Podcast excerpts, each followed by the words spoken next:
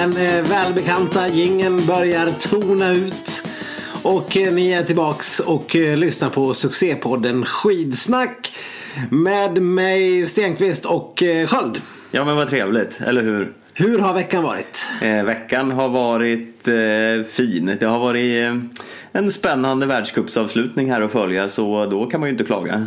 Men var det så spännande? Vad var det som var spännande? Ja men jag tycker det var jättespännande. Det var, det var ju, okej det var ju inte så kanske supernära men det var ju ändå tajtare än vad man hade kunnat tro eh, på damsidan där. Så jag tyckte, jag, jag satt och liksom förde lite statistik nästan och tänkte hur långt ner behöver Weng hamna för att någon annan ska vinna? Men Weng fick ju inte nog med Deng. Eh, tyvärr så fick hon ju inte det. Nej. Men, Det är ju ingen hemlighet att vi inte är några stora Weng Weng-freaks. ja, Venga Boys Venga boys, skulle man, precis. skulle man inte kunna Vi, kalla oss. vi är inga Wenga boys alls. Nej, eh, det var som jag messade vår kompis Peo eh, när vi messade lite efter. Ofta nämnd i denna podd nu för tiden. Ja, jo men Denna eh, PO. denna Peo. Eh, om att, ja det gjorde inte heller ont att Weng blev 22 där liksom. det, det sved inte till i hjärtat. Nej, men hon hade ju kunnat få bli 42 Ja, ja verkligen. Då hade ju Diggins stulit den här världscupsegern. Nej men hon skärpte till sig där på söndagen och kravlade sig väl lite mer framåt. Så det... Nej men det var ju en, det var en kul helg. Jag tycker ju om de här minitorerna ändå lite grann. På något vis. Det, det känns ju kul när, när, när man, man måste mäta sina krafter i allting. Att det liksom, det kan inte bara, man kan inte bara komma dit och åka sprint. Eller man kan inte komma dit och skita i att åka sprint. Utan Ebba måste sälla sig och åka en prolog. Det har vi inte ens tagit upp förut. Men det här, var ju, det här måste väl vara typ första gången vi fick se Ebba Andersson åka en, en sprint. Det här var ju till och med så att eh, prologen sändes på SVT. Det var ju fantastiskt. Ja, det får man ju inte uppleva så ofta. Äntligen få se en prolog. Det, Du har väl till och med haft ett eh, infekterat Twitterbråk med SVT om det här, vill jag minnas. Precis, ja. jag, vet, jag vet inte hur infekterat det var. Men jag, Men alla bråk är väl infekterade på ett eller annat sätt? Ja, bråk, bråk är också tej. Men ja, jag ställde väl en fråga varför sände ni inte prologen? Och då säger de att Du menar att det här bara var en fråga? ja, det var en fråga och ett svar. Eh, Som jag nu har vinklat upp till ett infekterat bråk. Ja, precis. Ja, det är bra. Det, eh, men, ja, det, var, det är väl lite det vi har jobbat med den här podden. Vi vinklar upp. Ja, Eh, så det är helt rätt. Det är alltid i sin ordning. Jo, men i den här hetska striden som jag hade med de ansvariga på SVTs Twitter så framkom det ju att de inte eh, själva rådde för att de inte kunde sända prologen för att det handlade om eh, det- landet som har världscuptävlingar. världscuptävlingen. Om de överhuvudtaget producerar en sändning som går att sända ut. Eh, och sen måste man ju i så fall ha sina kommentatorer och eh, sånt, som, eh, sånt där. Eh, men här var det ju uppenbarligen SVT som producerade och såg till att man kunde få se en prolog. Och det är alltid trevligt. Det kan ju hända saker i en prolog. Folk kraschar och försvinner och, och sådana grejer. Eller så kan någon göra något fantastiskt bra. Och, Ja, det var ju nära på. Weng gick ju vidare på 30 plats. Hon hade ju till och med, hon var ju nära att missa kvart. Dessutom. Nej, det, det, det var väldigt kul att eh, följa i alla fall Ebba Anderssons första sprintprolog. Hon kan ju möjligtvis ha åkt någon prolog. Rimligtvis i någon sån här Tour de Ski eller någonting om hon har varit med. Nej, hon har inte varit med i Tour de Ski. Nej, det har hon inte. Eh, hon var ju inte någon snabb, det ska vi säga. Hon missade ju kvartsfinalerna. Men hon var ju inte heller genomuselt dålig. Nej. Nej, det var väl vad man hade väntat sig ungefär. Ja, så att eh, det, det går inte att ha några stora förväntningar. Man har ju aldrig sett henne som en sprinter än i alla fall. Men alltså jag håller med, jag älskar också här minitorerna. Men jag tycker att de borde vara fyra tävlingar långa. Jag tycker att det är en tävling för lite. Med tre. Jaha, men sprint, massstart och jaktstart. Vad, vad, vad vill du ha in mer? Ett eh, individuellt startlopp? Eh, ja, det hade jag gärna sett. Särskilt som att eh, damen alltid åker så fjantigt kort. Så blir det ju som någon slags halvsprint till och sen ja, i finalen också som en sprint. Ja, nu blev det väl massstart på 10 km och eh, fri eh, jaktstart på 10 km. Herrarna fick motsvarande 15. Ja, ja, det blir ju väldigt, väldigt kort. Den är ju över på eh, drygt 20 minuter. Speciellt när de kör jaktstarten i fristil. Det är bara poff, säger det, sen är de i mål det blir ju då lite svårt för, alltså man märkte ju, nu tog de ju sig fram väldigt bra visserligen, men det var ju först på slutet som sådana här eh, hyfsat formstarka åkare som Haga, som inte är någon sprinter, tog sig ända fram mot eh, tätkänning. Och, och precis som Ebba Andersson också. Det, det känns som det blir väldigt svårt för distansåkarna när det är så pass eh, få och så korta lopp. Så jag hade gärna sett ett till och Ja. något lite längre. Absolut, det blir ju inte så, så avgörande på det viset. Det såg vi väl om inte annat också. Det var ju lite grann av en, inte så illa som det var tidigare i vinter, men det var en liten repris av den här massstartskaoset när det är massstart som är så pass kort så att eh, det går inte att hänga av folk. Eh, Sundby gick ut och sågade de här korta massstarterna. Alltså med kortare då, alltså 15 kilometer.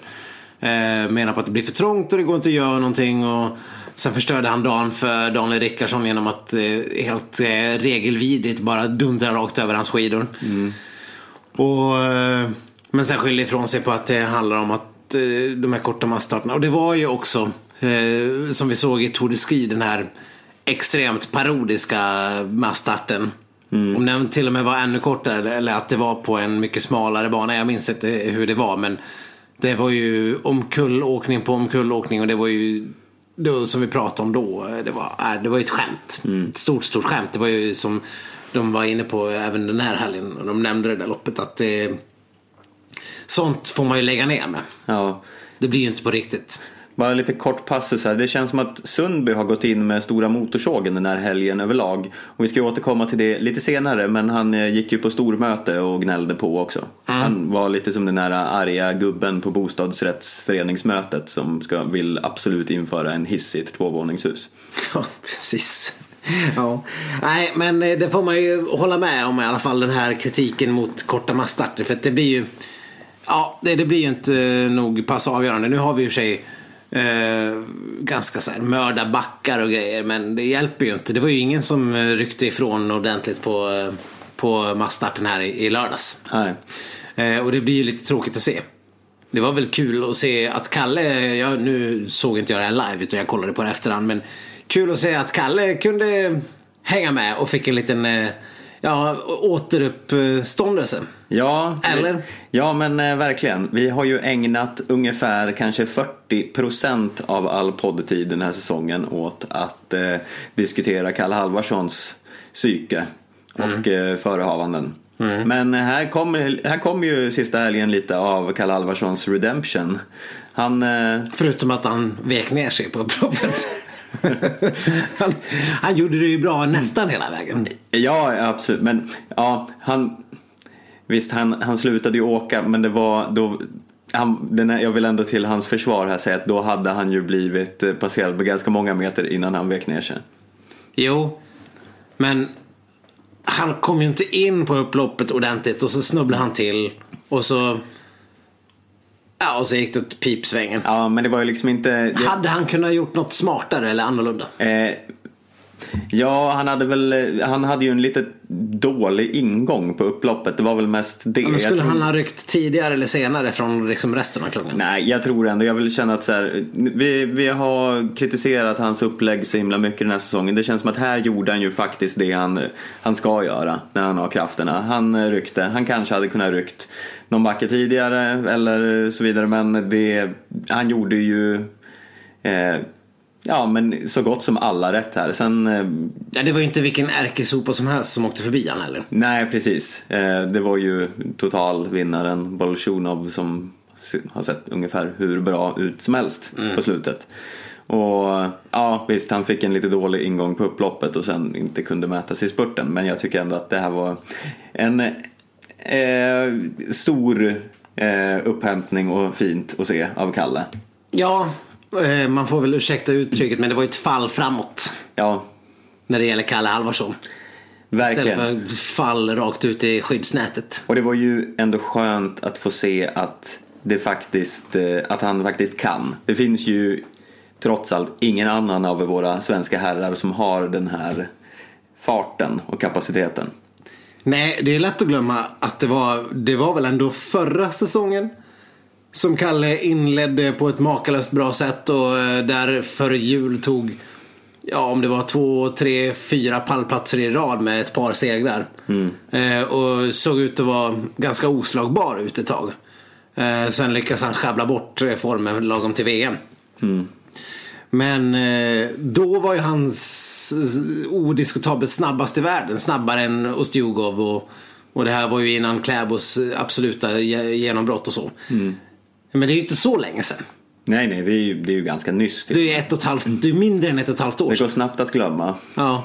Så att det är klart att Kalle någonstans har den där farten kvar. Och kapaciteten. Men sen, eh, ja, och det, det kanske eh, gör det bara ännu tydligare att det mesta sitter i hans eh, pannben. Eller innanför pannbenet snarare än i benen. Ja. Nej, men jag känner så här, jag önskar nu Kalle en sjukdomsfri och härlig luftrörsvänlig eh, sommar Ja. och försäsong. Ja. Och eh, tillsammans med en, eh, en kvalitetssäkrad idrottspsykolog Ja. som eh, eh, är med och formar hans eh, psyke till oanade höjder. Mm. Eh, allt med denna strut som vi har pratat om tidigare.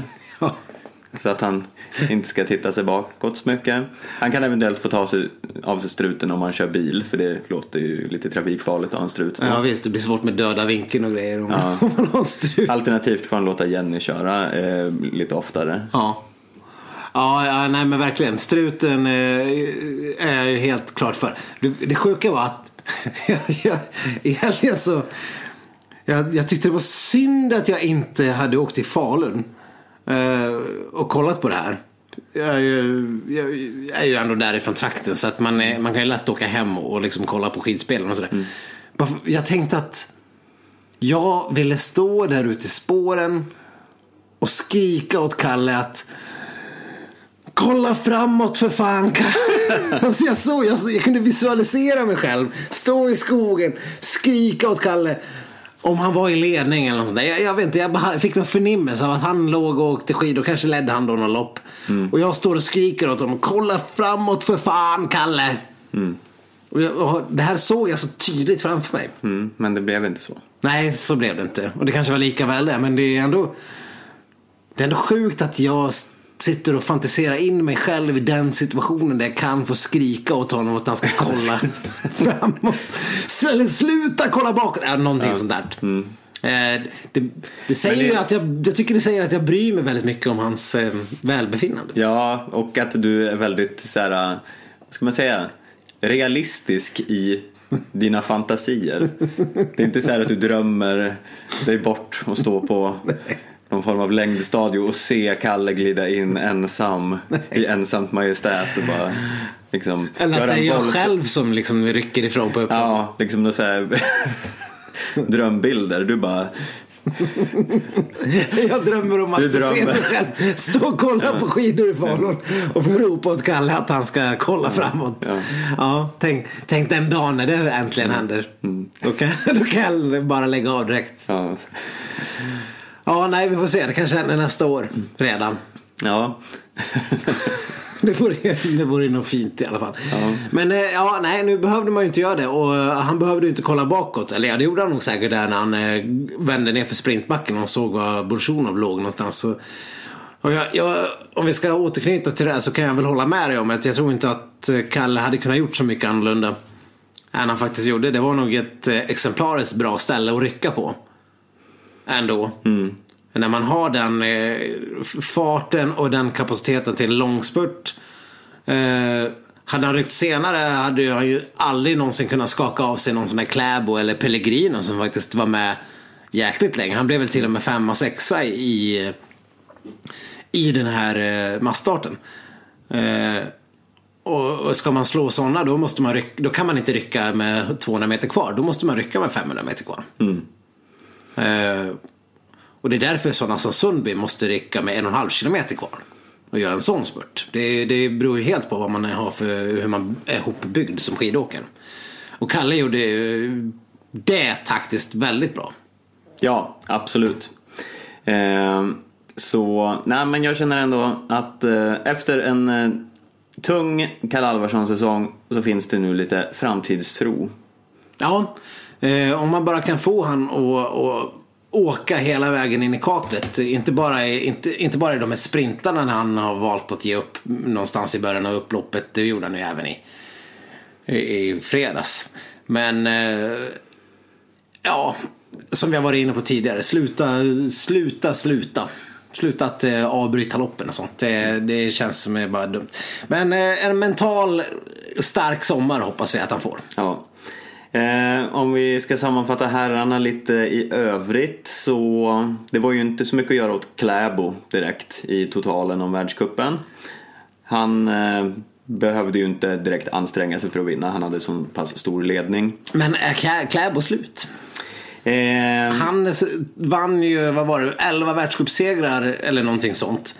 Eh, varav fyra i distans, men eh, samtliga före jul. Ja, nej men eh, Sen han... drog han lite sprintar efter jul, men eh, han slut som distansåkare? Eh, jag, jag har ju eh, dödförklarat många karriärer här under säsongens gång. du är inte beredd att dödförklara Men- Kläbos karriär? Nej, men jag tänker att jag ska eh, vara lite sansad här nu. Ja. Och jag kan väl istället sammanfatta det som att jag tror att han eh, ändå har en viss eh, mänsklig sida i att han kan inte vara formtoppad hela säsongen. Hans distanskapacitet höll inte på slutet. Nej, och vi kan väl eh, verkligen konstatera att eh, fem milar inte är hans grej. Nej. Han har ju klappat igenom totalt på de två fem milarna han har åkt i sin seniorkarriär. Eh, vilket ändå är... Det gör ju inte heller ont. Nej. Någonstans för oss som kanske hoppas eh, på någon liten blågul framgång någon gång. ja.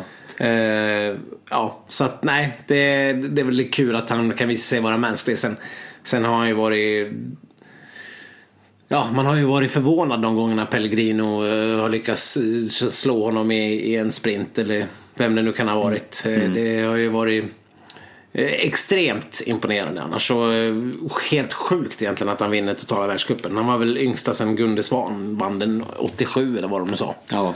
87, det måste vara länge sedan. Ja, hur som helst. Yngsta sen Gunde Svan. Mm, ja, det är ju ändå... Eller yngsta någonsin. Ska man Eh, säga. ja, man får väl böja sig i hatten för det ändå. Ja, verkligen. Ja, ja, det gör vi.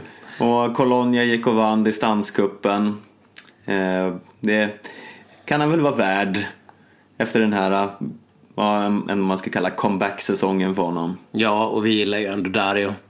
Han är, han är liksom så här typiskt schweiziskt intetsägande. Ja. På något vis. ja, men han är, det är liksom han och Federer och Ja. sådär. där. De är, de är lite samma person. Ja men, ja, men de ser ju typ likadana ut också. Ja. Ser alla schweizare ut sådär? Är det här någon form av förutfattade meningar man har? Eller liksom att alla kommer se ut precis som de gör. Men de se, det är något som gör att de ser likadana ut. Och det kanske bara är att de, är, de har samma... Alltså, de ser inte arga och de ser inte glada ut. De ser bara liksom så här, ja. Ja. ja. Lagom. La, otroligt lagom. Eh, och sen är de bara så bra. På något vis. Och inga, inga känslor, kanske någon arm i skyn sådär, men på sin höjd. Ja. Ehm, Det är rent av svenskt. ja, men lite så. Eh, något med oss, eh, oss neutrala länder. Det ser ut som att Sverige har varit neutralt på 60 år, men ja. Ja, på tal om Sverige. Vi, kan ju, vi ska ju vänta till eh, eh, kanske säsongsavslutningen med att eh, sammanfatta hela säsongen med, lite mer övergripande. Men vad hade vi av övriga svenskar den här eh, världscupsavslutningen? Oskar Svensson gjorde väl en eh, habil insats. Ja men Oskar Svensson fick väl ändå visa att han är eh, framtidsnamnet när det gäller svensk manlig längdskidåkning. Eh, vi, vi skulle kunna ta och prata en hel podd om vad som är problemet och vad som eventuellt är lösningarna för att få någon form av fart på svensk manlig längdskidåkning. Eh, men det är ju ändå väldigt tydligt att det är till Oskar Svensson vi ska sätta ett eventuellt hopp om framtiden. Och inte till din lilla gunstling Jens Burman. Utan det är ju återigen så visar Oskar Svensson att han, han är med där och hugger på sprint och blir allt bättre på distans. Ja, absolut. Eh, och vi såg även ett litet eh, uppsving av Theodor Pettersson här igen som har var det lite jojo fram och tillbaka. Mm. Eh, som gjorde en fin sprintinsats. Så han verkligen. det känns väl som att vi behöver ju inte riktigt pensionera honom än. Nej, nej det behöver vi inte göra. Men sett över hela säsongen så har det ju varit ett eh, totalt jävla mörker när det gäller svensk herrskidåkning. Jo. Har det varit någon pallplats? Ens? Ja, Kalle Halvarsson. Ja, jag Kalle. Och- Precis. Men i övrigt har vi väl inte haft någon som har varit på pallen eller knappt ens i närheten. Så att eh, det måste Ja, ju vara Theodor har väl klivit upp också. på pallen. Mm. Han? Ja, det, det är jag ganska säker på. Ja, jag vågar, inte, jag vågar inte säga något annat. Men ja, det måste ju ändå vara en av de sämsta säsongerna som eh, manliga herrlandslaget i skidor har gjort på extremt länge sett över liksom topparna. Ja. Sen om vi har varit liksom jämn, har haft jämn dåliga, jämn bra resultat på topp 15 och sånt, det har jag ingen aning om. Men rätt sett över framskjutna placeringar så har jag ju svårt att se att det ens i modern eller knappt ens halvmodern historia, eller när skulle vi ha varit så dåliga? Nej, det är svårt att se faktiskt. Men desto mer tur att vi har damerna då. För där, såg, där hade vi ju lite mer glädjeämnen den här helgen. Eh, bland annat en sent på sång, säsongen eh, återuppstånden Jonna Sundling. Som eh, klev in och visade vart skåpet ska stå. Ja, där eh, kan vi ju snacka succé. Hon klev in och tog sin, eh, ja det måste väl ha varit första pallplats i världscupen. Ja. När hon är tvåa efter Hanna Falk som vann. Och eh, där var det ju så jäkla nära att vi fick en svensk trippel. Ja, Fan också. ja jävla Björgen. stort det hade varit. Ja. Men eh, det ville sig inte hela vägen för Anna Dyvik. Nej. Att ta sig förbi Björgen, det- kommer vi inte begära av någon. Men fan vad häftigt det hade varit. Sen eh, är ju Sundling så pass eh, bra att hon eh, är ju, vad blev hon, nia eller någonting totalt i totala touren. Ja. Så det är ju helt hysteriskt bra. Och hon har ju haft, hon har ju varit ett sånt där namn som vi har pratat om. Skulle hoppas kunna komma. eh, Men har haft lite strul. Det verkar vara strul med de här svenska talangerna. Om de inte har liksom typ så depressioner eller, eller är övertränade så har de sjukdomar och skit. Men fan om man bara får ihop det där så sen känns det som att vi skulle kunna ha ett rent av typ norskt landslag inom några år. Ja, för lite så känns det nu med. För Ebba Andersson var ju också jättebra i helgen. Hon, eh, ja efter den här halv, eh, ja, eh, ska man säga, lagom sprintinsatsen i prologen. Ja, det, det går inte att säga så mycket mer när man missar så, liksom. Så låg hon ju ganska långt efter men gjorde ju ändå sen en superbra massstart där hon blev fyra efter att ha startat typ sist. Och behövt eh, äta sig fram på den här extremt korta distansen. Eh, bästa världscupsplaceringen hittills. Och sen eh, krigar sig väl till en, vad var det, eh, Ja. topp 10 plats i Precis. totalen eh, från ett helt hopplöst läge då efter sprinten. Ja. Eh, så det känns ju, om hon nu får en sån här eh, magisk eh, sjukdoms och skadefri träningssäsong till nästa år så skulle ju hon kunna vara i topp. Hon skulle kunna bli hur bra som helst. Man ska komma ihåg det här med Ebba Andersson. Att hon kanske hade sitt genombrott den, den för, förra säsongen när hon fick åka i VM-stafetten och, och köra så bra på den där lilla sträckan som hon gjorde. Men det var ju precis innan VM så hade hon knappt gjort ett eh, seniorlopp i världscupen. Nej. Och eh, hon gjorde fick göra några lopp efter. Eh, och sen har hon under den här sommaren haft en massa problem. Eh, om var det till och med en operation eller var, det var något form av längre skadeuppehåll som hon har haft under eh, upptakten till den här säsongen. Och sen har ju hon eh, på distans varit klart näst bäst av svenskarna. Och då har vi ändå eh, alltså, sett till jämnhet. Ja, Då har vi ändå också Stina Nilsson som har tagit OS-medalj i distanslopp. Eh, och men hon känns ju ändå mycket mer säker än Stina. Ja, ja man, distans. man har ju henne lite kring de här, så här de här som har stuckit ut men inte haft den främsta liksom så här, extrema spetsen den här säsongen. Såna här Stadlober och von Siebenthal och sådana där. Hon, hon är ju men bland Eb- dem. Ebba är ju verkligen bland dem. Alltså på, hon känns ju... Ja men också bland de här nor- norskorna efter kanske eh, Björgen och...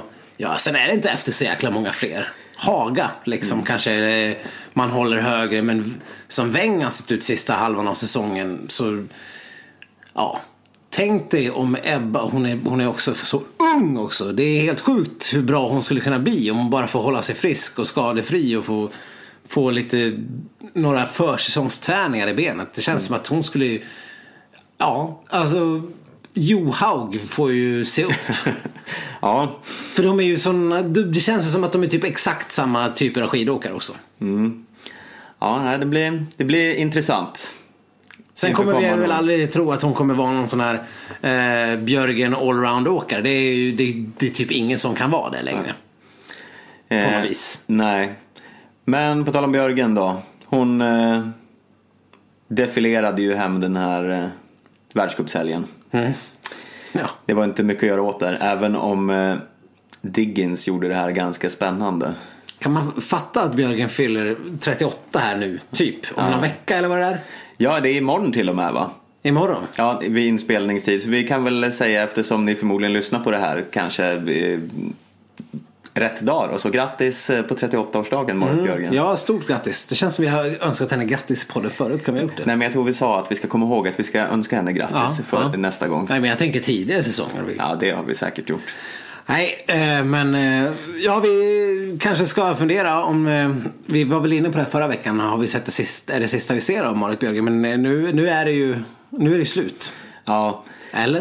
eh, ja, Hon är ju bäst i världen. Får hon lägga av ens? nej jag tror inte det.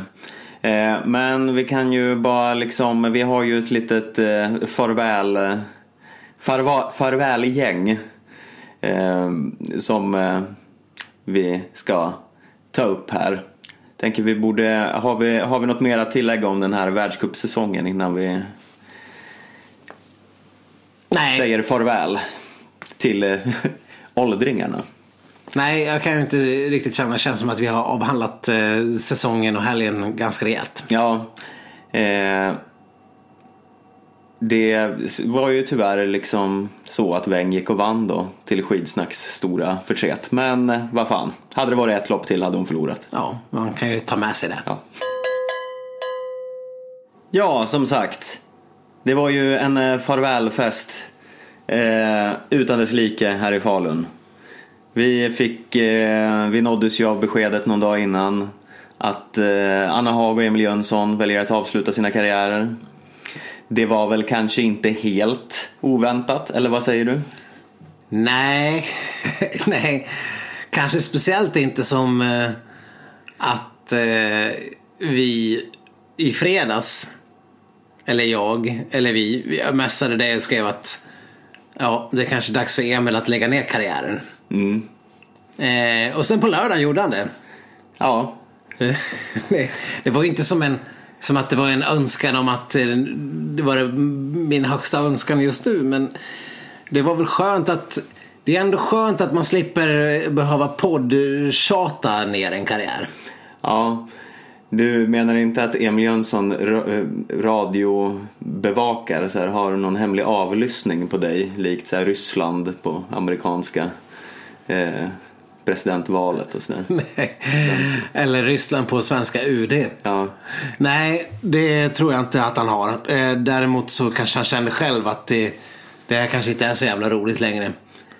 Nej, det, det, man förstår ju hans beslut efter eh, 150 skador och eh, lårbristningar och blodproppar och allt vad det är som drabbar honom så fort han eh, är frisk igen. Så ja, är man inte framme på eh, toppplats så vad är, vad är drivkraften att fortsätta? Nej, men man ska väl nämna det att Emil har ju ändå varit bäst i världen.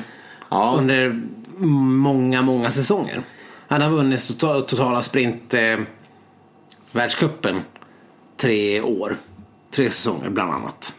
ja och han har ju 13 individuella segrar i världscupen. Det känns som ganska länge sedan nu. Men, eh, Ja, men det är, ja, det är otroligt egentligen. 13 mm. världscupsegrar. Det är, ja, det är ju det är ju helt unikt när det kommer till svenskar i princip att ha så många segrar. Eh, och eh, då, då är det ju bara ännu tydligare att det kan ju inte vara roligt att hålla på och inte ta sig någonsin knappt till en semifinal. Nej, alltså det måste ju på något sätt vara om man... Om man... Och sen känna att man är så, så långt ifrån.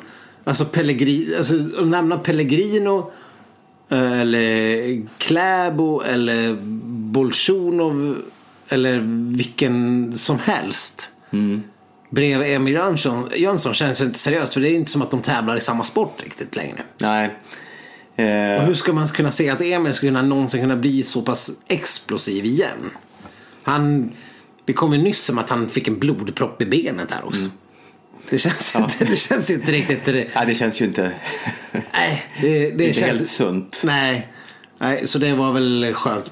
Det var någon, eh, det var någon som skrev till oss på Instagram. Om Anna och Emil. Ja. Eller kanske främst om Anna. Kan, hej, kan vi skippa klagandet på Anna Haag i nästa skitsnack och ge henne lite hyllningar för en, för en gångs skull? Lång är stor idrottskvinna, alltid glad och en viktig inspiratör för alla unga svenska skidåkare. Ja. Ja. Om vi ska prata om Anna Emil. Ja, Det, det är ändå lustigt. Folk tror att vi, vi, vi är så, vi är så eh, otrevliga eller ogina människor att vi inte ens skulle kunna veta när någon ska hyllas. Ja. Vet, vad, ger inte vad vi gör för, ger för vi, intryck vi egentligen. bygger tydligen upp en hemsk bild av oss själva. Ja, men å andra sidan, en, att sitta och lyssna på något som är helt utan konflikt skulle kännas lite tråkigt. Nej, absolut Man kan inte. bara sitta och hylla hela dagarna inne. Nej, man kan, inte, man kan inte sitta och hylla folk som eh, inte presterar. Men vi minns ju såklart eh, Anna Hags eh, fina eh, stunder i karriären. Alltså hon var ju en av de viktigaste kuggarna i OS i Vancouver 2010. Herregud. När, När de tar ja, tre medaljer. ja, eh, varav ett individuellt silver eh, i skiathlon. Och sen eh, tog hon väl medalj i sprintstafett och i vanlig stafett. Ja, Eh, plus en fjärde plats på det.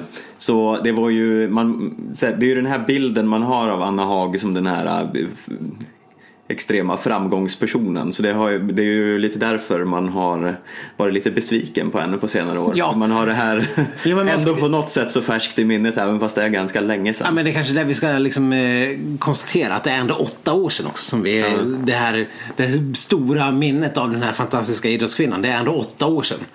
Så det kanske inte är helt orimligt att tycka att, eh, att, det var, att hon gjorde rätt val. Som eh, väljer att avsluta nu. Absolut. Och hon hade ju bara, som hon sa själv, vaknat upp en dag och känt att nu är jag klar. Mitt under brinnande OS dessutom. Ja. Och, det, och det är väl lite grann samma där. Det kommer, det kommer nya åkare. Det kommer, eh, det kommer Hagas och, och, och Ebba Anderssons.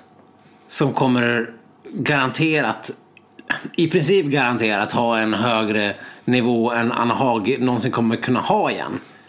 Och då är det väl lika bra att lägga av. Om man inte har den här björgska urtalangkraften. Då är det klart man, det är bra om man inser det förr än senare. Att det är dags. Ja, och eh, det, det var väl ingen större skräll att de tog beslutet samtidigt. Eller även om de beslutade på olika håll. Men man har ju ändå tänkt att de kommer att lägga av samtidigt. Ja, nu ska de ju gifta sig också.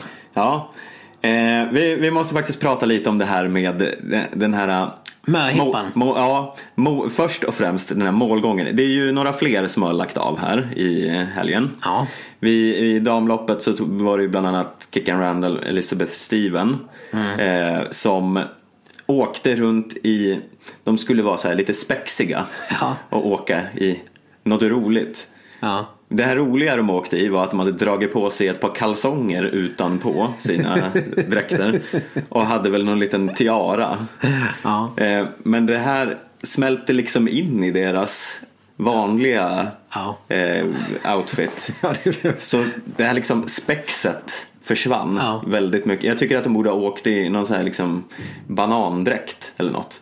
Vad du menar som så här, bananer i pyjamasdräkt? Ja.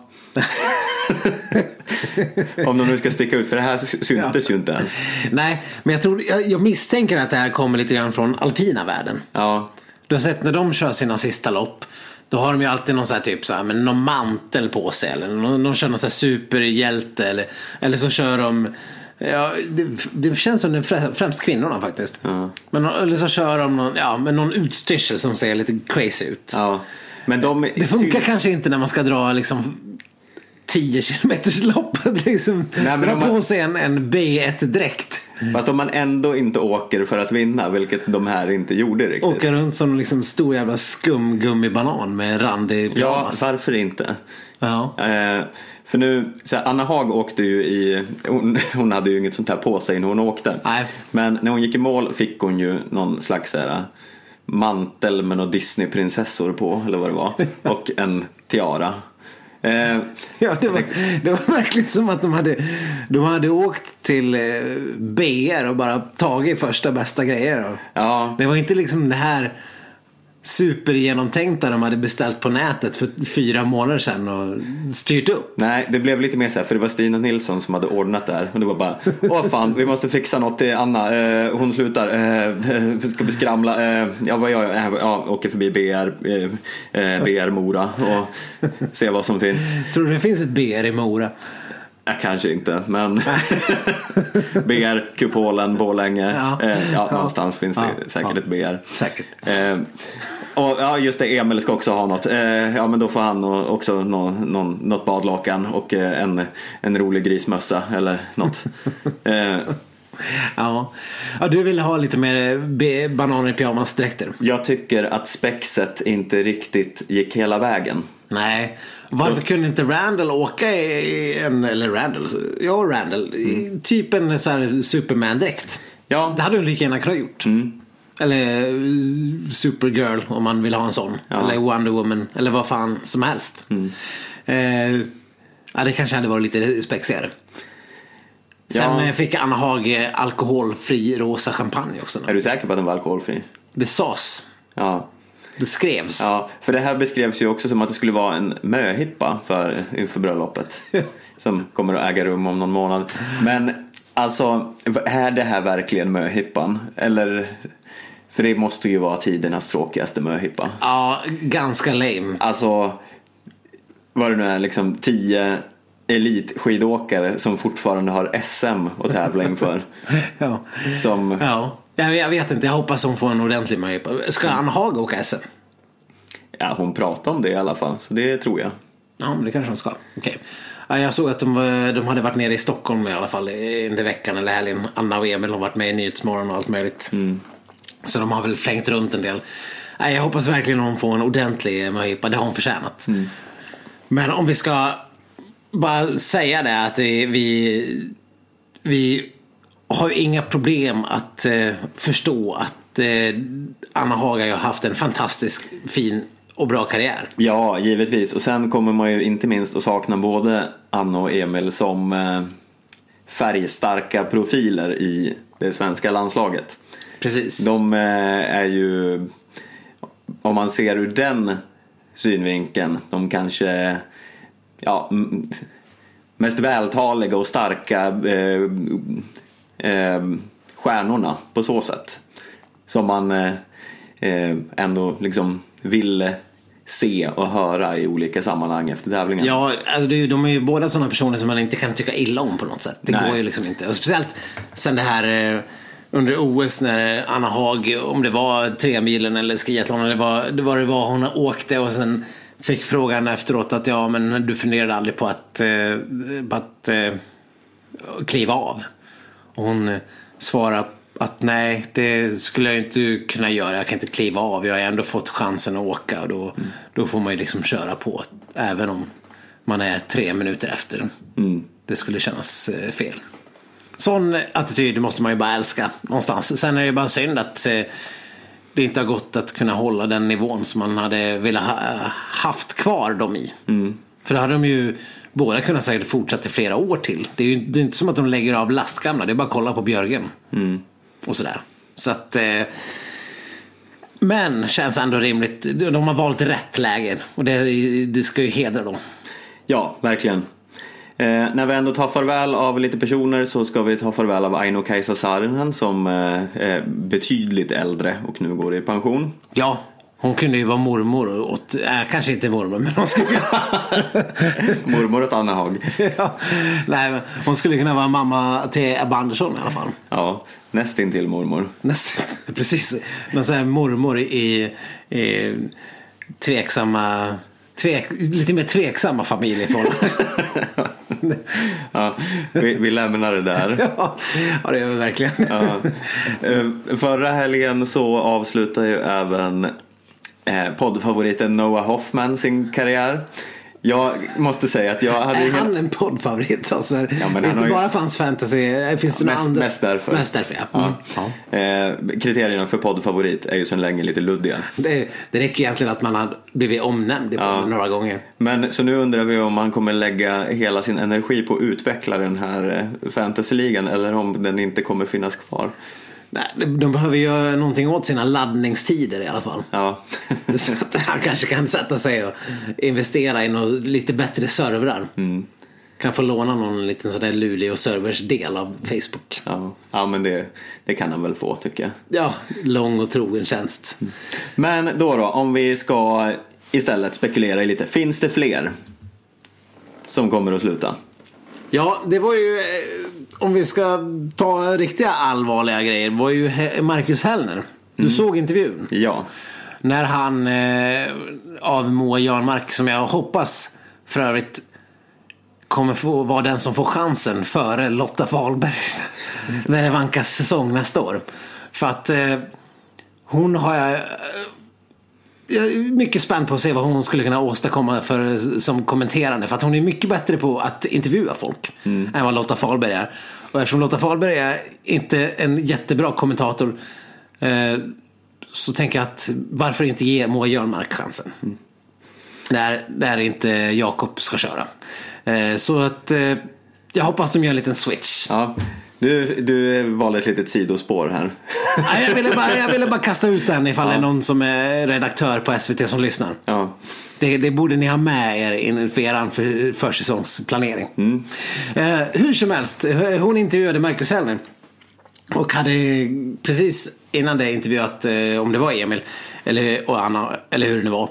Men i alla fall frågade väl Marcus, ja men hur har du tänkt med din framtid och sådär. Och han bara, ja, eh, ja, ja, jag vet inte så mycket och ja, jag har inte tänkt. eh." han, han gav inget besked. Nej, och sen eh, frågar väl hon om det, alltså men det är inget definitivt ja att du kommer fortsätta då. Och då sa han nej. Så han öppnar ju upp lite för att det kan ha varit sista loppet. Men Men, jag känner att det vore ju jävligt konstigt. ja, Alltså, för nog för att alla kanske inte är såna här sprudlande extroverta personligheter som Anna och Emil.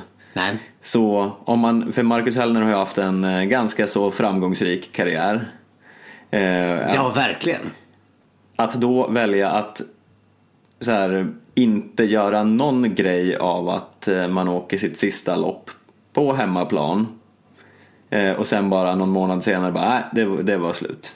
Det, jag, jag känner att även i en vrång eh, introvert Marcus Hellner så nej, det, det kan inte vara slutet. Jag tror att han kör en säsong till. Ja, det tror jag med. Det vore lite konstigt om man bara skulle packa ihop. Ja, Packa trunken och lägga pjäxorna på hyllan. Eh, det, det kändes inte riktigt så. Han har ju ändå... Och nu ska ju gudarna veta att det inte varit någon bra säsong för Marcus heller. Han har ju i sig inte kört liksom Tour... Eller körde han Tour de Ski? eh, ja det gjorde han. Eller ja, jag minns faktiskt inte. Nej, men han har ju inte varit där han har velat vara. Man har ju alltid tänkt att eh, men nu kommer han, eller nu går det bra. Eller som i förra året fick vi ju vänta till Kanada-touren, alltså det sista som hände på hela säsongen i princip. Innan, innan han eh, klev fram och visade sina gamla goda takter igen. Och lite så var det nu. Det var ju fortfarande på OS satt man ju hoppades att Marcus skulle liksom kunna gnistra till för man vet vilken exemplariskt bra mästerskapsåkare han är. Men det kom ju aldrig någonting och istället har det varit Daniel Rickardsson som har varit den som har levererat jämnast och bäst på eh, distansloppen. Speciellt mot slutet av säsongen. Ja. Men man förstår ju att Marcus Hellner blir lite bitter här för tydligen, det verkar ju för en gång skulle gått ganska bra för honom med träning och eh, inte vara sjuk. Och så vidare och så ändå funkar det inte riktigt. Nej. Då kanske de här tankarna kommer. Men jag känner ändå att det... Och sen bortvallade i OS-stafetten ska vi ju ha klart för oss. Annars hade ju Sverige mycket väl varit med och tampat som en av de, eh, av, ja, garanterat medalj och kanske högre upp ändå. Ja, ni förstår. Ja. Eh, så nej, men det, ja, jag svårt att se att det inte fortsätter. Men Daniel Rickardsson då? Eh, ja, men Hur gammal tänk- är inte han? Jo, men jag tänker lite samma sak där. Att, eh, ja, men det är väl på upphällningen här. Och han gjorde ju någon snegling mot långlopp mm, tidigare. Men eh, han, med tanke på att hans plats i ett svenskt landslag är ju inte hotad. Nej. Så Nej. han, han kan ju verkligen satsa en säsong till och det är om jag inte missminner mig ett eh, klassisk, en klassisk fem mil i VM nästa år. Eh, så att han skulle ju ha ett tydligt mål att sikta på. Som- Visst. Nej, vi får väl nästan hoppas eh, att de kör en säsong till. Inte för att man eh, liksom gläds över vilka otroliga resultat de har gjort. Utan för att eh, man förbluffas över hur extremt fattigt det ser ut bakom. Det här har vi varit inne på. Det har vi varit inne på redan den här podden. Om det här mörka hålet som är svensk herrskidåkning. Men ja, det är ju, man kan ju inte man måste ju få in en generationsväxling och det måste man ju få med nya bra åkare. Då måste ju gamla sluta förstås. Men när det inte verkligen finns någon. Det är bara att kolla på Holmenkollen när vi hade eh, Daniel Rickardsson och sen fyra okändisar. Och visst, de gör eh, habila insatser, ett par av dem. eh, Som vi var inne på. Men det är inte som att det kommer något så här dundergenombrott. Nej. Eh, så, På och det sätt. känns ju också bra att vi får trappa ner det lite. Hur hårda vi än är i den här podden så vet jag inte hur många avsked vi klarar per säsong. Nej, verkligen. Nej, och sen, Och- det, jag menar, det, det som utvecklar skidåkare allra bäst, är ju att få träna med eh, folk som vet hur man måste träna för att vara i världstoppen. Ja. Det vet ju Marcus och eh, Daniel Rickardsson, tror vi i alla fall. Mm. De har ju ändå varit där. Ja, ja, det är väl rimligt att anta. Ja, jag, jag, även om det inte såg ut så den här säsongen. Men förutom att eh, få in en Pichler så behöver vi ha kvar de här stötarna som vet hur det är att vara, vara bland de bästa i världen. Så att Oskar Svensson och eventuella andra av den kalibern ska kunna få rätt resa in i landslaget. Eh, vi har ju också frågetecken kring eh, Ida Ingemarsdotter och Theodor Pettersson. Men jag tror samma sak där. Jag tror inte att de eh, kommer kliva av än. Nej, men sk- skulle man sakna dem? Eh, ja, men eh, lite ändå. Jag skulle sakna den här eh, Ida Ingemarsdotters intervjuer när hon låter som att hon står i en bar där det är lite för hög volym och skriker för att bli hörd. Ja, jo, exakt så låter det. ja. ja. Eh, så Men Theo har ju inte haft sin musche på flera säsonger. nej, men det, han kanske kan få en sista chans att odla ut den igen. Ja, nu var det liksom verkligen på sista versen som han visade upp någon form av form, gryende. Eh, Och Ida har ju varit bra ibland sådär, men det är inte sådär, ja, man skulle ju inte gråta blod heller om de la om. Nej, men jag känner ändå så här successiv nedtrappning. Vi hade Södergren, nu Emil och Anna. Sen kanske det kommer en eh, stor våg nästa säsong då av eh, Hellner, Rickardsson, eh, Ingemarsdotter. Pettersson. Ja. Ja, så eh, ja, Vilken? let's not go there. Jag bara kastade in den. Let's not go there. Jag kollade faktiskt upp här innan. Hon är bara 28 år. Hon ska vara som bäst nu. Ja. Eh, ämne för en annan podd. jag, jag, jag, jag, ville bara ha din reaktion på det här. Ja, men, Men Marit Björgen, Marit Björgen.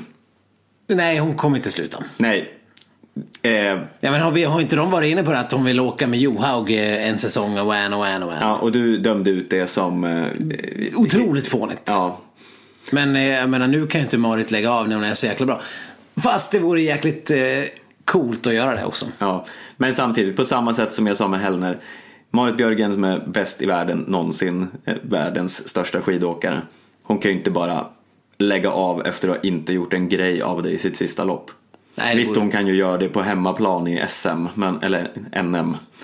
Men eh, nej, det går ju bara inte. Nej, det vore sjukt. Det, det känns som att eh, hon hade no Hon vet nog när hon kommer lägga av. Det är inte som att hon kommer ta det så här. Jag tror att jag tror att hon i, eh, vad blir det nu, oktober, september eller kanske augusti någon gång säger att det här blir min sista säsong. Ja, absolut. Ja, men som vi nämnde lite tidigare så har det varit ett stormöte där Sundby har härjat runt. Ja, eh, han har ju inte, han har inte s- skrädit med orden. Nej, eh, vad kan man kalla det här? Eller skrädit orden. Ja, Hur är det man får säga? ja något sånt. I alla Eh, fall, eh, de vill ju... FIS, han eh, går ju hårt åt den här FIS-ordföranden eller vad det nu är för dude, någon fransman som flera gånger har varit ute och föreslagit eh, olika förändringar om man vill göra. Och Martin Jonsson Sundby är lite mer av den här traditionella, han är liksom lite mer av dagens Wassberg.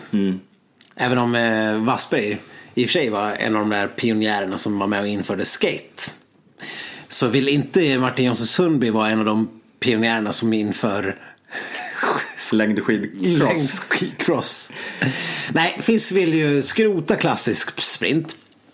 Ta bort den helt och sen införa sprint med lite mer eh, skicross-inslag, hopp och grejer. Mm, hopp och lite uppför och eh, portar och köra igenom och Ja. allt vad det är. Eh, och Ja, det kan man ju säga vad man vill om. Och sen vill man även ta bort skiathlon helt och hållet. Och vad var istället? Vill man ha mer... eh, Ja, det är väl mer eh, lopp med jaktstartsinslag som skulle vara ersättningen om jag förstått saken rätt. Eh, och eh, vad var det tredje? De, eh, jo, införandet av mixed lopp. Det vill säga stafetter med eh, både herrar och damer, likt skidskytte. Och eh, lagtävlingar i alpint. Ja, om vi ska gå igenom de här förslagen lite grann. Så eh, mixed eh, lopp känns ju som att varför har inte skidåkningen mixed lopp? Det är ju insane. Ja, absolut. Det, det borde ju redan eh, finnas. Eh, så det är väl bara att klubba igenom och köra Ja, nästa säsong. Både sprint, stafett och vanlig stafett och ja, vad det nu kan tänkas vara. Det är klart vi ska ha mixed. Mm. Eh, bara för att det är kul. Ja, och för den här säsongen så fick vi ju inte se så mycket stafett. Nej. Så man saknar ju stafett. Sätter ju även press på eh, kanske lite mer ojämställda nationer att satsa på både herr och damskidåkning. Eh, och så. För att få en bättre bredd. Annars kan man ju tänka sig att det är bara de här stora landslagen som kommer vara framgångsrika i mixed. Så, så är det ju till viss del också. Men så är det ju redan när det Norge gäller... kommer ju inte ha ett dåligt lag om man säger Nej, så. men så är det ju redan när det gäller stafetter. Man ska ändå ha fyra åkare så måste de ju ändå ha en rätt bra grogrund. Ja. Eh, nej, så det är klart att man eh, vill ha in eh, mixed. Det Och dessutom, känns- det kan ju också bli väldigt eh, mycket mer spännande eftersom det är ju lite lättare att hitta två bra herrar än fyra och två bra damer än fyra. Så att få ihop ett mer tajt, eh, jämnbra lag. Precis, amerikanerna skulle kunna bli ganska bra. De har så jäkla bra damer. Eh, och sen Schweiz Ja, skulle kunna vara bra. Alltså om man, om man jämför med liksom traditionella stafetter där det, där det är sådana typer av länder inte alls kanske. Österrike skulle kunna vara bättre. Ja, det är många. Tyskland. Frankrike, Tyskland, ja det är ju många som skulle kunna sticka upp Italien. Som, ja. det, det, ni hör ju, det finns ju hur mycket som helst. Så att det skulle kunna bli väldigt roligt på det här viset. Och det känns inte som att det finns någon konflikt heller. För jag tror att eh, även åkarna vill ha mixed. ja. Så att eh, det, det kan vi nog räkna med att se redan nästa år. Ja. Skulle jag kunna tänka mig. Jag, jag vet inte hur spikad nästa säsong är. Jag, jag, jag tror inte att den är det. Jag tror att det är sånt man var, håller på att diskutera. Ja. Eh, Den här eh, längdskidcrossen då, lite mer eh, svår, Ja. eh, Men om, man ser rent historiskt i podden så har du varit mer positivt inställd till hopp i längdskidor. Än vad jag har varit. Eh, ja, jag har ju varit den liberala halvan här och du har varit eh, stofilen. Och jag vet inte hur mycket det har varit bara för att få, få någon form av diskussion i podden. Men för jag vill ju inte på allvar tro att du typ riktigt skulle vilja se någon sån här vansinne. Det beror lite på hur den utformas. Man har ju sett de här äh, loppen från juniortävlingar och de ser ju lite galna ut. Eh, så om det finns någon slags rim och reson i de här eh, eh, hindren så ja, jag ska inte säga att jag är 100% för men jag känner ändå mig lite intrigued av tanken. Jag fattar inte. Det skulle ju... Det skulle, hur? Ja, jag förstår inte hur de skulle kunna göra det. Hur skulle de kunna göra det så att det blir att se inte ut som... Jag menar, jag har också åkt med hopp och, och, och genom portar och sånt där på längdskidåkning. Men det var ju när jag, när jag var junior och skulle lära mig, eller barn och skulle lära mig att svänga liksom. Och stå på skidorna. Hur man ska kunna göra det här utan att det blir att se ut som någon form av jippotävling. Förstår jag inte. Då kan man ju liksom ha en liten station med, med bollar du ska kasta i och träffa tre bollar i hinken. Ja men Mästarnas mästare är ju kul att titta på. Ja, precis. Och det här får Stina kan inte lyckas bygga upp stenarna över pinnen. Så att, och hon får försöka igen. Snöbollelyktan måste vara en meter hög innan man får fortsätta. Det, det, det går ju inte. Det vore, nej det känns Och så. du kommer falla fram till eldkastaren. Men då kommer gladiator Atlas och eh, Ja, sopar ner henne i marken. Ja, precis. Och Hero mosar hos Djurgården. Ja, ja, ja okej. När du säger det så. Vi, vi kanske inte riktigt är redo för det här än. Jag tror inte det. Men jag väljer ändå att ha, ha en, en lite öppen syn på detta. Ja. Nej, men det ska, det ska till något bättre än det här vi fick se i junior-VM. Eh, som vi såg i alla fall. Det, ja, det, det såg inte riktigt klokt ut. Så jag hoppas det, det finns något mer genomtänkt förslag i så fall från FIS. Så där håller jag ändå med Sundby. Sen förstår inte jag riktigt eh, slopa skiathlon. Va, eh, de har kämpat så hårt med att få in skiathlon. Va, varför vill de inte ha det kvar FIS? Har du fattat eh, argumenten? Nej, och jag tycker att det är en ganska bra gren för att bevara den klassiska åkningen som ju annars eh, är på utdöende. Då i ytterligare ett steg om man då skulle få för sig att skrota klassisk sprint. Ja, Eh, så Verkligen. har den ju en väldigt självklar del i skiathlon. Och skiathlon är ju en väldigt rolig gren att följa. ja men det är det absolut. Och sådana här, det som de har infört i vissa eh, sprintbanor. Det är väl till exempel i Drammen där de har teknikzoner. Eh, gillar jag inte alls. Nej, Där man ska behöva ha en zon för att hindra någon form av utveckling av en sport. Där man ska... Nej, nej, det känns bara helt fel väg att gå. Skippa allt vad teknikzoner heter. Lägg, lägg klassiska loppen på utmanande banor där man om det nu är så att man vill behålla klassisk åkning med, eh, med bentag alltså, och, och på den viset, varför man nu skulle behöva vilja det. I långlopp är det ju ingen som, som eh, använder fästvallar längre, så varför skulle de behöva göra det i världscupen? Va, vad spelar det för roll? nej. Det är fortfarande klassisk längdskidåkning på något vis.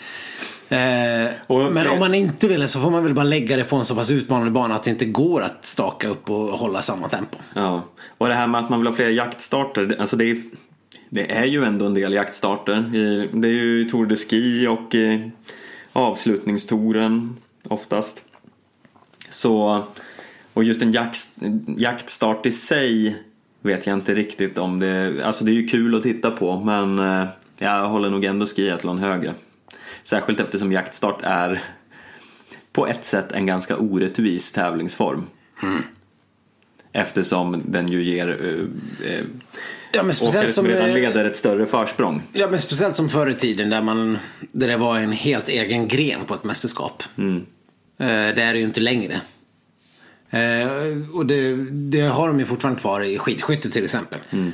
Men det blir ju lite orättvist. För att då vinner du en tävling så har du en jätte, jättefördel att vinna även nästa guld. Ja, jag kan ändå tycka att i skidskytte är det lite av en annan grej eftersom det är så mycket mer psyke som eh, spelar Absolut, in. och där är sprinten eh, två skjutningar och jaktstarten fyra och det blir liksom eh, det blir mycket mer avgörande på ett annat sätt. Det går ju att göra så mycket mer. Eh, så det, det håller jag ju helt med om. Eh, men däremot blir liksom bortvallad på 15 km klassiskt och sen ska du liksom ta igen en minut på fristilsdelen sen. Det, det går ju inte. Nej. Så då kan du ha förstört dagen där. Eh, på ett he- helt annat lopp. Så det, jag, jag, jag förstår inte riktigt varför, varför man inte nöjer sig med att ha skiathlon som det är. Det, först, behövs det ens utvecklas som det är just nu? Kan man Eh, inte bara låta det vara? Ja, låt skiathlonen vara. Eh, vi, vi är inte redo att släppa den än. Nej. Men det känns lite som att det redan är beslutat. Och eh, jag kan väl tycka att man borde eh, istället rikta in sig på lite mer eh, viktiga saker. Ja, förläng... Till exempel få bort de här fåniga korta massstarterna. Ja, Som jag var inne på, de här parodimassstarterna som inte tillför någonting. Ingen kan ju tycka att det är kul. Jo, jag förstår att personer som inte kanske följer skidåkningen jättemycket de förstår inte vitsen med individuell start. Och det kan, det kan jag köpa helt. Men det finns ju ingen vits med korta massstarter heller. nej. Eh, nej, det är ju totalt poänglöst och särskilt på damsidan eh, hinner de ju knappt börja. De längst bak hinner ju knappt ens få en chans att ta sig fram i tät. Nej. Så alltså, jag tycker att det viktigaste de borde fokusera på är att förlänga damloppen. Absolut. Eh, gör damloppen lika långa som herrloppen. Det, det har vi ju pratat om tidigare men det, det, det skulle ju Ja, det börjar bli- göra hela världscupsäsongen mycket roligare. Det börjar, det börjar bli irriterande att man ska behöva säga den Holmenkollens klassiska fem mil. Och så, ja, och så tre milen då. Det, det borde inte finnas någon tre mil i Holmenkollen. Det, borde- det borde bara vara fem mil. Det finns... Och det är ju dessutom eh, mer obegripligt än någonsin. För att när det kommer till ju längre distansen är. Ju, ju, ju bättre blir ju kvinnorna jämfört med männen. Eller om man ska se det till liksom, den enda, en av de få sporterna i världen där kvinnor eh, är snabbare än män rent eh, generellt är ju eh, långdistanssimning. Ja, Där är kvinnor snabbare än män. eh, Om man ser liksom till rent generellt. Och det är ju en viss likhet med även längre distanser på och, eh, längdskidåkning. Så det finns, det finns ju liksom inga... Och speciellt inte nu när damskidåkningen är så bred och jämn. Nej det är ju liksom jättekonstigt. Om vi ska liksom för en gång skulle referera lite till långlopp. Där de ju åker samma distanser som är betydligt längre.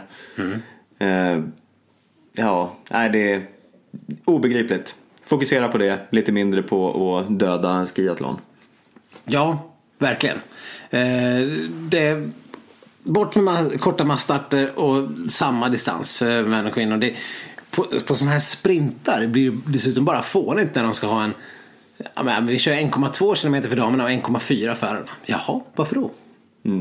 Kan inte damerna åka de här 200 meterna? Eller? det är fysiskt omöjligt. ja.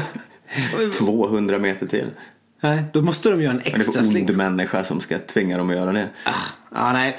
nej. Det är obegripligt. Det får de ju ta tag i omedelbart.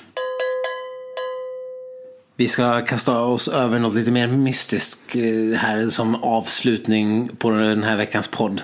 Ja, en uppmärksam lyssnare har skickat en bild till oss. Föreställande eh, några av våra svenska skidåkare. Det är Anders Södergren och Anna Haag och Ebba Andersson och eh, Johan Olsson och Mattias Fredriksson. Charlotte Kalla och Stina Nilsson. De står och minglar här i Falun. Ja. Det här var tidigare förra veckan.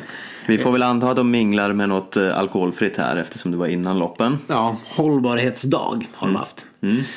Men vad den här uppmärksamma lyssnaren har eh, sett är att Stina Nilsson på en av de här bilderna Förutom att eh, ha en cigg i handen. Nej, det är nog ingen cigg. Det, det är nog en vit penna. Men det, Ja. det ger lite cigg-intryck. Ja, på långt håll ser det ut som en jättesig. Ja. Men det här har också en, en ring på sitt vänstra ringfinger. Och vänstra ringfingret brukar ju vara eh, avsett för just en typ av ring. Ja. Det är förlovning eller vigselring som ska sitta där. Ja, och eh, det är ju lite intressant där. Det är ju sällan man brukar, alltså man får väl ha eh, ring på vilket finger man vill, men det är ju sällan folk brukar tycka att det är så roligt att gå runt med en ring på vänster ringfinger om man inte är förlovad eftersom alla då tror att man är förlovad. Precis. Eh, Så vad handlar detta om? Ja. Har Ja, du det någon teori? Nej, nej, nej. Precis. Jag har ju precis som eh, lyssnaren här försökt browsa igenom Stinas sociala medier. Men det finns ju ingenting som tyder på att hon skulle ha eh, träffat en eh, själsfrände. Än mindre förlovat sig. Nej, hon kan ju ha valt att inte hålla denna person så offentlig visserligen. Det ska gudarna veta att eh, jag har absolut ingen koll på Stina Nilssons kärleksliv överhuvudtaget. Förutom de här poänglösa eh, flört eh, liksom försöken från eh, Emil Iversen. Eh, ska ju sägas att man blev ju lite oroliga direkt att hon har gått och förlovat sig med Emil Iversen från ingenstans. Så gick ju in och letade efter bilder på honom med ring på fingret Ja. också. Har inte hittat några. Nej. Så det, det verkar lugnt. Nej. Nej, och, vi vet ju väl inte riktigt heller vilket, vilket lag Stina Nilsson spelar för. Nej, men eh, oavsett vem... Om det är en Emil Iversen hon är intresserad av. Ja. Men för det, så pass dålig koll har man på Stina Nilssons eh, kärleksliv. Det finns inga så här ex som det finns. Eller jag menar som Charlotte Kalla. Hon har ju kända, flera kända ex Ja. till och med. Eh, andra, andra skidåkare verkar ju mest vara ihop med varandra hela tiden. Det är ju extremt vanligt i skidåkarvärlden eh, att bli ihop med varandra. Men så är det ju i alla branscher förstås. Ja, jo. Men det känns mer, mer extremt här än eh, en liksom fotbollsspelare. Du ser inte alla kända fotbollsspelarna ihop med varandra. Nej, alltså majoriteten av världscupsåkarna är ju ihop med varandra.